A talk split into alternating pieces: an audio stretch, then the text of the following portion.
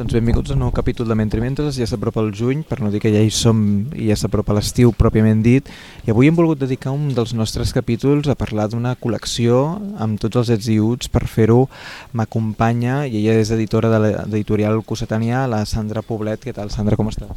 Hola, bon dia, bé, moltes gràcies per convidar-me.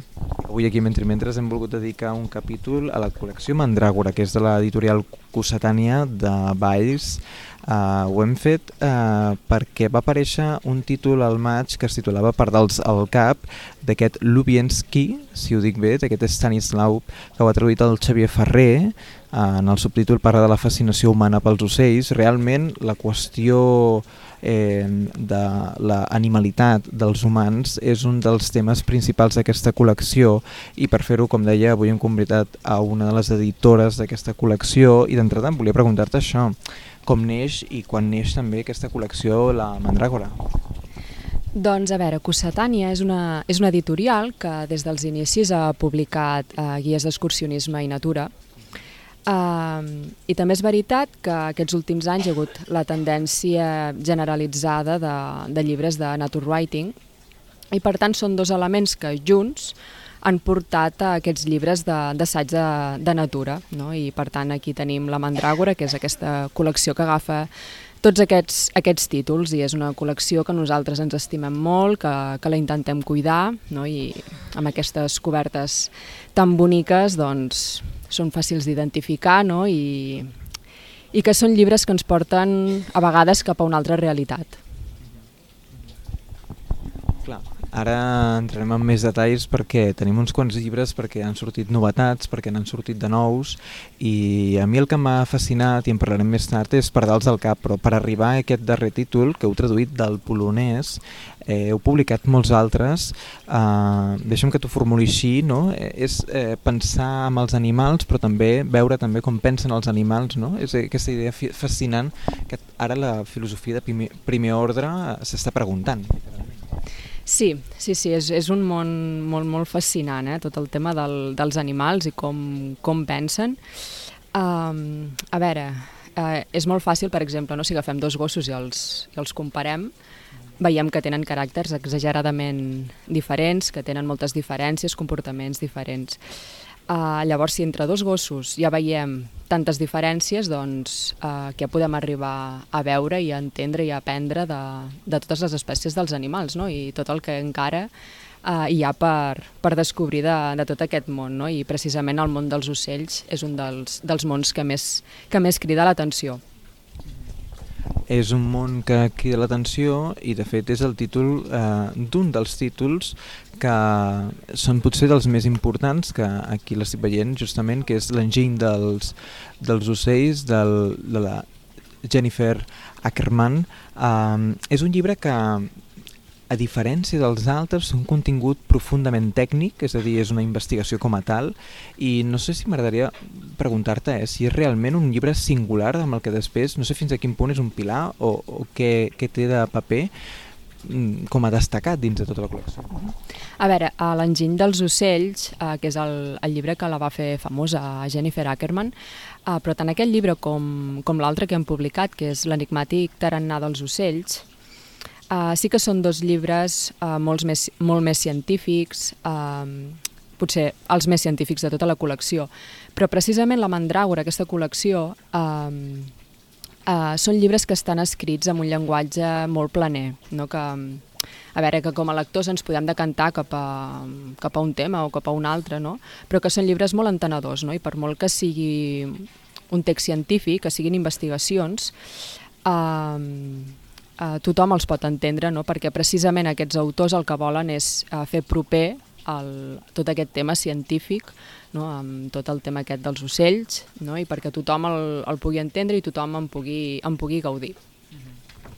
Uh, de fet, um, Jennifer Ackerman ja porta uh, 30 anys uh, escrivint sobre ciència i sobre natura, no? i aquest to proper és el que, el que la fa característica. No? Mm i precisament en aquest, a l'enginy dels ocells, eh, el llibre doncs, eh, para atenció en, en el cervell dels ocells. No?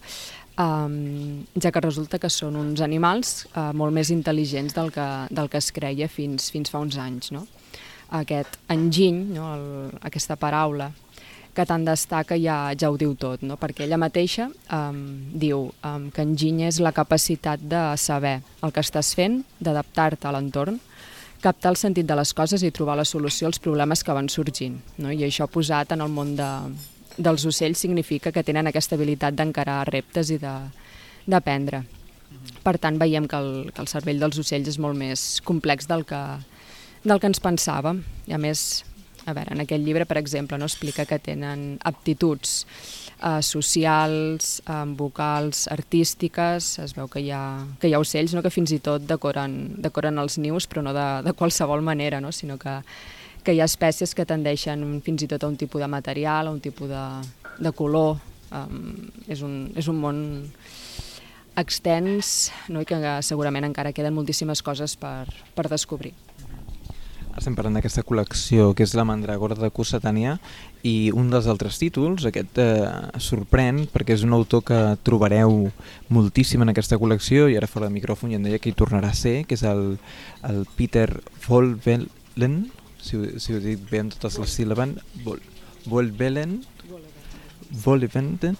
Uh, L'ha traduït aquest volum justament a en Joan Ferrarons, que és La vida secreta dels animals, um, la singularitat d'aquest llibre, primer jo m'hi vaig apropar, eh, siguem sincers, per, perquè era una traducció del Joan Ferrarons i, i en, en soc de pot en aquest sentit, però és com una vida privada dels animals i això és el que d'alguna manera em va sorprendre més també i que ens va fascinar més i feia dies que volíem dedicar-li un, un capítol aquí a Mentre i Mentres.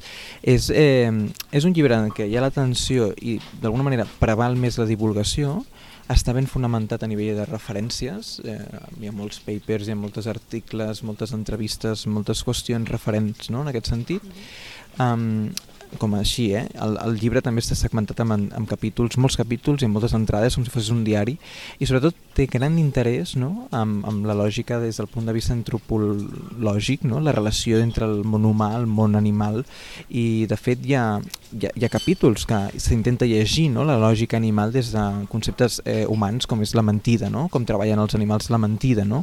o per exemple la noció de l'esforç, per exemple. No? Vull dir, realment el llibre presenta moltes tensions en aquest sentit, però m'imagino que de l'autor en teniu tants altres llibres que també eh, amb, amb la fórmula que ja deu singularitzar no? o deu haver practicat eh, el converteix en un més. Sí, a veure, uh, La vida secreta dels animals és un, és un llibre preciós. Um, però, de fet, um, després de llegir qualsevol llibre d'aquest autor, et mires uh, l'entorn d'una altra manera. No? És com que trenca una miqueta els esquemes que nosaltres com a humans teníem. Um, és descobrir una altra realitat. És, per mi els llibres del Peter Wolleben és, és com una llarga passejada pel bosc, amb, amb tota la calma i, i tranquil·litat del món. I aquest llibre en concret, la, la vida secreta dels animals, una de les grans preguntes que, que formula i que, no, que, va, que va traient al llarg del llibre. Per exemple, si els, els animals o, o algunes espècies d'animals tenen autoconsciència. No? I, I aquí entrem en, en el tema dels sentiments, de les emocions, no? i de manera directa o indirecta doncs, tota l'estona em va parlant i em va, i em va reflexionant, no? perquè no és una qüestió de sí o no, sinó que evidentment hi ha tantíssimes espècies no, que, que no és tan fàcil de, de contestar. No? I això que deies, no, de, un capítol del tema de mentir, no? Um, ostres, més enllà de, del camuflatge, no? que és el típic exemple, no? o com podem despist, fer despistar el depredador, doncs resulta que, els, que hi ha espècies d'animals que fins i tot eh, intenten enredar a altres per, per benefici propi. No? Que sé, per exemple, parla de la guilla, no? que, que es fa la mort eh, perquè hi vagi algú, no? i aquest algú resulta que s'acaba convertint en, en l'àpat de, la, de la mateixa guilla o, o el gall que fa trampetes per intentar copular i tot el tema de les infidelitats que també durant el llibre va sortint. No? I també és curiós, no sé, amb això, com treballen, no? l'exemple molt clar de les abelles, que, no? que la reina que rep la gelea reial eh, només fa un vol per, per aparellar-se i després es dedica a pondre ous, que són uns 2.000 al dia, no? i veus que t'explica que tota la, la resta, les altres abelles, les, les obreres, es dediquen a pencar tota, tota la seva vida. No? I, per exemple, de com treballen, doncs arribem al tema de la intel·ligència d'Eixam, que, que parla Peter Boleven, de, de, de com a l'interior del rusc les abelles eh, transmeten informació sobre les fonts del nèctar, no? de, de la distància en què es troba, no? I, de, i arribem una altra vegada al tema de, de com es comuniquen, no? de, de com es comuniquen entre animals de la mateixa espècie, no? de com s'interpel·len, que també és un dels altres grans temes. Um, no sé, ens explica el cas dels corps, um, que es veu que tenen relacions per, per tota la vida, i no només de, de pares i fills, sinó que també resulta que tenen amics i eh, aquests ocells es veu que poden arribar a tenir un vocabulari de fins a uns 80 gralls i poden tenir gralls personals, eh, que és per avisar en la distància no, a un, un gènere concret. No? I a més poden arribar a recordar eh, durant anys aquest so concret i també a quin corp concret anava dirigit a, a aquest so. No? Um, però també veiem, ens explica un altre cas bastant curiós de, amb porcs, no? de, que es veu que van fer un experiment de perquè no anessin tots junts a menjar a l'hora a l'hora de, de l'àpat gros, eh, un grup d'investigadors van, els van separar en grups i els van ensenyar un nom individual, no? i després d'uns quants dies, una setmana d'entrenament diria, o una cosa així, eh, tornen al seu lloc habitual i resulta que van fer la prova i els anaven cridant i efectivament eh, anaven anant a menjar segons el, el seu nom, no? I bueno, ens pensem no, que fan cas als gossos, però resulta que ara veiem que els porcs també, no? I això significa que tenen autoconsciència perquè s'identifiquen en, un, en un nom, no? I per tant tenen personalitat pròpia. Eh, un clar exemple és el, els ximpanzés, no? que és bastant obvi, però es veu que sí, que també els porcs, les garces, els corps... I bé, aquest és, és un món fascinant, el, del, el dels animals. Un professor de lingüística, justament, que, que quan li deia al gos vine, dubtava si... Ell era un professor de lingüística, insisteixo, i, i tenia sempre el dubte de si quan li deia vine eh, estava donant a entendre al gos que Vin era el seu nom o realment eh, estava eh, comprenent que hi havia una sintaxi que per tant era un verb i tot plegat i havia de moure's i tal i era llegint, eh, ho vaig pensar però realment són aquestes preguntes que això la, la, lingüista aplica, la lingüística aplicada però sí que és cert no? que d'alguna manera hi ha una formulació amb les idees que, que sembla com que acabi plantejant no? això que deia a l'inici, no? com una espècie de humanització dels animals. No, no sé si també estaries eh, d'acord, no? si és una humanització en aquest cas de, de la natura. A veure, uh, jo no sé si humanitzem el, els animals, no? però a veure, per entendre l'interior dels animals, allò que tenen dins el, el caparró, uh, hi posem termes humans, no? Eh, és inevitable. Sí, sí. Um, parlem i ens qüestionem no? si tenen por, si senten dolor, no? són coses no? que, que es parla dins d'aquest llibre, però tot des del nostre punt de vista, és a dir, que, que segons com nosaltres, els humans, entenem la por, com, com entenem el dolor, o com és el cas de la fidelitat, no? que resulta que els corps tenen una parella per tota la vida i parlem de fidelitat eterna, però és fidelitat o és que simplement els corps no?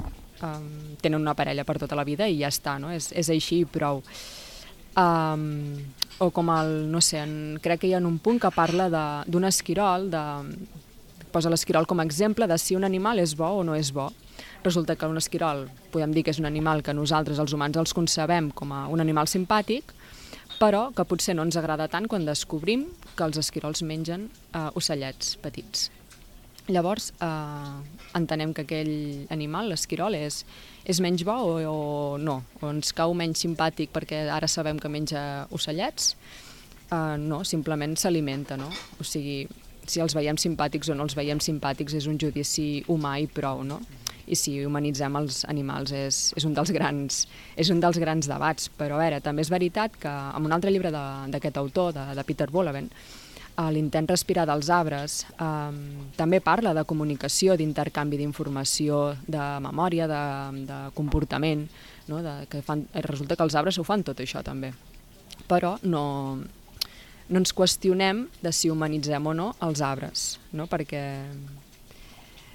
Um, o sigui, és una qüestió de, de, com ho veiem el, de com ho veiem els humans i de com percebem aquesta realitat. No? Per tant, jo crec que és una, un tema de, de llengua i d'humanització que nosaltres veiem, no? que, que ens creiem que tot allò ens, ens pertany i que concebem a la nostra manera i prou, com si només es pogués concebre d'aquesta manera. Avui estem parlant d'aquesta col·lecció que és la Mandragora, m'acompanya la Sandra Poblet i avui estem parlant d'aquests llibres que ha publicat Cossetània dins d'aquesta col·lecció i dels darrers llibres, un que sorprèn eh, és una traducció directa del polonès, com poques n'hi ha en la llengua catalana i en, la seva, en les publicacions, vaja, és aquest Pardals al cap, que d'entrada el títol eh, ja fa ressonar una idea no? d'aquesta persona té pardals al cap, no? aquest home no para de fer volar eh, coloms, aquestes eh, referències eh, ja no, detecten o fan detectar al lector que el llibre serà una mica singular, no? Hi ha aquesta indicació entre un món més filosòfic, un món literari, i que d'alguna manera potser s'allunya més dels llibres de la col·lecció i que m'agradaria preguntar també com descobriu aquest títol. Doncs aquest títol el vam descobrir una miqueta per casualitat, la veritat. Vam veure que hi havia una edició en castellà um, que clar, evidentment no podíem llegir la traducció al llibre original, que és en polonès, i vam agafar la, el llibre en castellà, me'l vaig llegir i directament me'n vaig enamorar, vull dir, és així, així de senzill.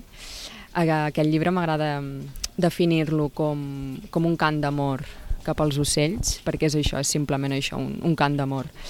Um, L'autor, um, Stanislau Lubienski, és, és ornitòleg i és, i escriptor també, i des de ben petit és un apassionat dels ocells, ell, ell mateix ens ho explica al principi del llibre, i això el va portar no, a escriure precisament amb pardals al cap, uh, i en aquest llibre doncs, uh, hi plasma um, la inspiració no, de, del, del, no, que, que, que veuen els humans no, de, dels ocells eh, no? i va explicant també la pròpia observació i què en pensa ell i com ho viu i com ho sent, però també l'admiració d'ell mateix cap a grans proeses que fan les aus. I això, més, ho va entrellaçant, eh, que és un no parar de personatges històrics, de moments capdals de la, de la història, no? que plasmen aquesta inspiració. Um, Um, per exemple, una, no sé, a mi surt uh, l'Asà a la pel·lícula Els ocells de, de Hitchcock, no? I a més, no només parla d'aquesta aquest, pel·lícula, sinó que arran de parlar d'aquesta pel·lícula va traient, no? va, va desfilant un, un seguit d'autors i de, de temes. No? Per exemple, a Zisques, un filòsof que cita Freud per entendre el significat de la pel·lícula de, de Hitchcock, no? de, que quina llàstima no? que faci servir els ocells per, en sentit més negatiu, no? de, com aquesta metàfora no? de que la realitat es pot revoltar en contra de nosaltres quan no ens ho esperem. I això ho acaba entrellaçant amb un escriptor que va escriure un assaig no? sobre l'afició dels ocells que arriba al punt fins i tot de malaltia, no? i de com s'arriba a obsessionar amb aquesta observació de, dels ocells i de, de la seva por malaltissa de quedar malament per no saber identificar ocells. I això ho segueix entrellaçant amb un altre exemple, que és d'una pel·lícula de Ken Loach, um, que es diu Què és, no? que hi parla d'un noi um, que és asocial, que és un noi pobre no? i que comença a cuidar un xuriguer no? i de tota aquesta um, no, d'aquesta pel·lícula, no, de que al final són exemples que el, els ocells són, en són protagonistes, no, més o menys afortunats.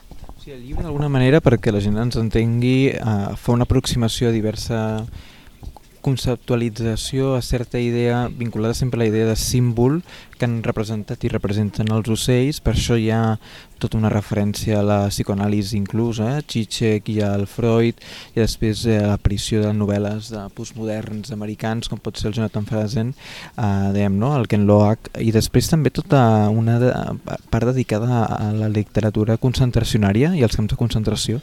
Eh, I sembla com que tota aquesta intuïció de l'escriptor el porti també a acabar fent com una espècie com de gran reivindicació, d'enduriment de certes localitats de protecció.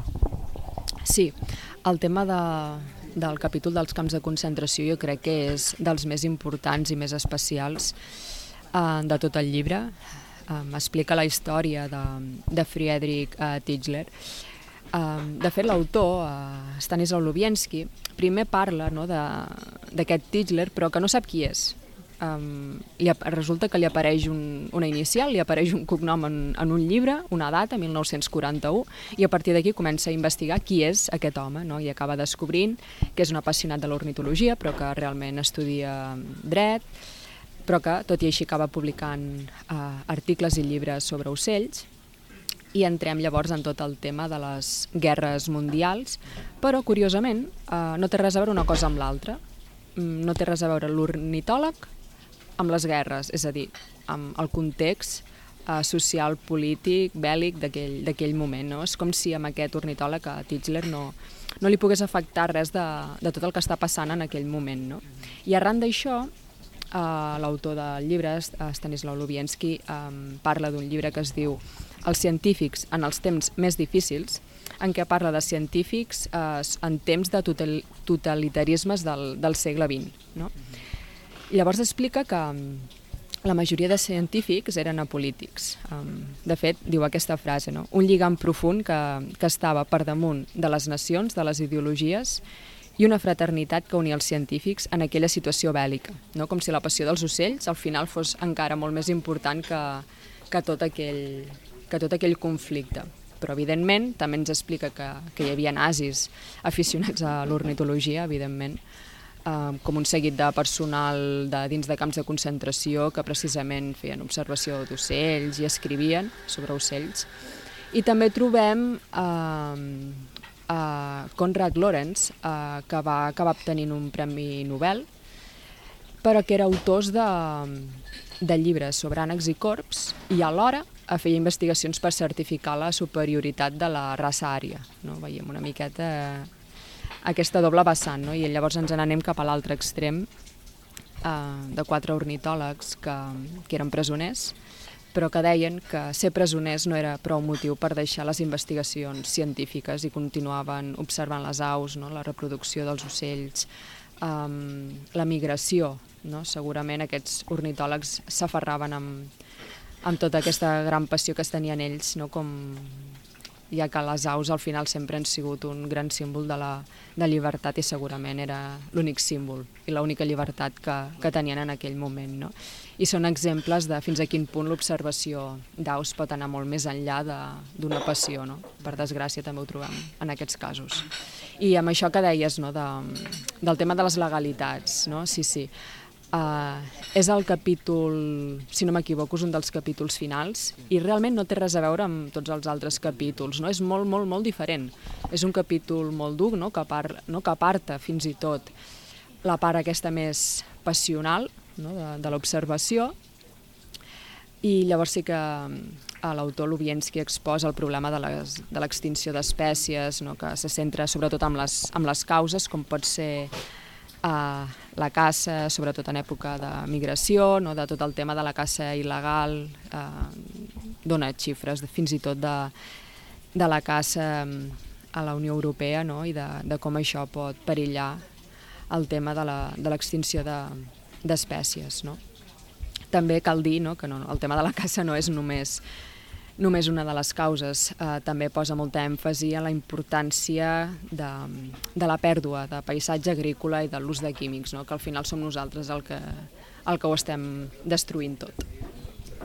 És realment interessant ara tot el que dèiem. Uh, el llibre està plegat de referències, està plegat de citacions, està plegat de, de contingut literari i sorprèn aquesta, aquest tractat no? sobre l'art de caçar amb els ocells del, que data del 12, eh, 1260, imagina't que comença ja a investigar sobre les migracions, parla també del tipus de migracions, un tipus de lau, si és un ànec, si és un ocell, si és una gavina, i hi ha una part que realment m'ha semblat realment eh, interessant i, i podríem llegir-la justament, que és eh, al final de la pàgina 43, inici de la 44, que és aquesta, aquest paral·lelisme que utilitza no? parlar de la migració dels ocells eh, en termes eh, grecs gairebé, d'aquesta gran epopeia heroica, eh, que és realment certament interessant. Uh, sí, és un capítol bastant curiós, no? perquè fa com un, com una anàlisi per la història, no? de com ha canviat tota aquesta percepció. No? I precisament aquest és, és un dels fragments no? que més, que més m'ha agradat des de sempre, aquest llibre, no? i diu així. La migració dels ocells és per a mi el miracle més gran de la naturalesa. es pot presentar la història de cada migració com una epopeia heroica. Cada participant és excepcional. Quants entrebancs, incomoditats, destorbs es troba pel camí una mallarenga que no arriba als 20 grams i que fa centenars de quilòmetres. Doncs Sandra, moltíssimes gràcies avui per haver-te prestat a fer aquesta entrevista. Portem ja 25 minuts d'entrevista i no obstant volia comentar el que sí que és el darrer títol, que és aquest Emboscats, una experiència d'autosuficiència al cor del Montseny. És el primer títol que no és una traducció, és d'en Sergi Montrabà. Explica'ns d'alguna manera com ha estat el procés, perquè l'has capitanejat tu d'edició d'aquest llibre i, i, i com és també que introduïu el primer llibre d'autoria pròpia. No, no és el primer llibre d'autoria, o sigui, d'autor català, uh, però sí que és un dels recents, vull dir, La Mandràgora, um, per desgràcia, són traduccions, no? Uh, no tenim, desgràcia en el sentit de que no tenim l'autor presencial aquí amb nosaltres no? i que el contacte directe amb l'autor sempre és bonic, però precisament en Buscats uh, és un llibre que ens va arribar per una agència i sí, sí, vull dir, va ser llegir-lo i vaig dir, tant, endavant, eh, és una història molt, molt, molt potent de quatre amics que se'n van a passar unes setmanes al Montseny, només amb allò que el bosc dona. No? I aquest llibre és contestar no, totes les preguntes que, que els hi van fer, no? també és aquest, tot aquest relat de tot el que van viure, anècdotes, experiència uh, real, no? és, és dur uh, veure el canvi aquest de realitat, no? Uh, de que segurament no, no valorem prou tot el que tenim en el nostre dia a dia, no? i és molt interessant totes les reflexions que, que fa l'autor, el Sergi Montrabà, i és un llibre molt, molt interessant i que també fa pensar molt, i avui dia crec que és una cosa molt important. No, és interessant justament això, no? que és el, el gest, eh, no sé fins a quin punt eh, contrari a la qüestió més general, no? que és eh, doncs fugir, però fugir de la forma menys tecnificada possible des de la idea d'experiment, no? a veure si això com funciona i en quins termes el llibre eh, ens té molt intrigats i interessats i en farem un, un seguiment. Doncs t'he d'agrair, Sandra, avui que haguem pogut parlar d'aquests pardals al caps que ens ha fascinat d'aquest Stanisław Lubienski que ha traduït en Xavier Ferrer, que és aquesta La fascinació humana pels ocells, que és aquesta darrera mandràgora, conjuntament amb aquesta que ara dèiem, que és aquests emboscats del Senji Monrabai, i li sumem també eh? el Peter Bonhel-Leven, eh, també la Jennifer Ackerman amb l'Enginy dels ocells, La vida secreta, de tants altres títols que també hi van darrere eh, d'aquí. Sandra, moltíssimes gràcies avui per parlar d'aquesta col·lecció i també llarga vida i tenim ganes també d'anar seguint també tots els títols que anireu publicant eh, rere, any rere any. Sí, sí, nosaltres tenim moltes ganes de seguir treballant en aquesta col·lecció sobretot, que ens estimem tant i a seguir llegint i a seguir publicant. Moltes gràcies a vosaltres, encantada.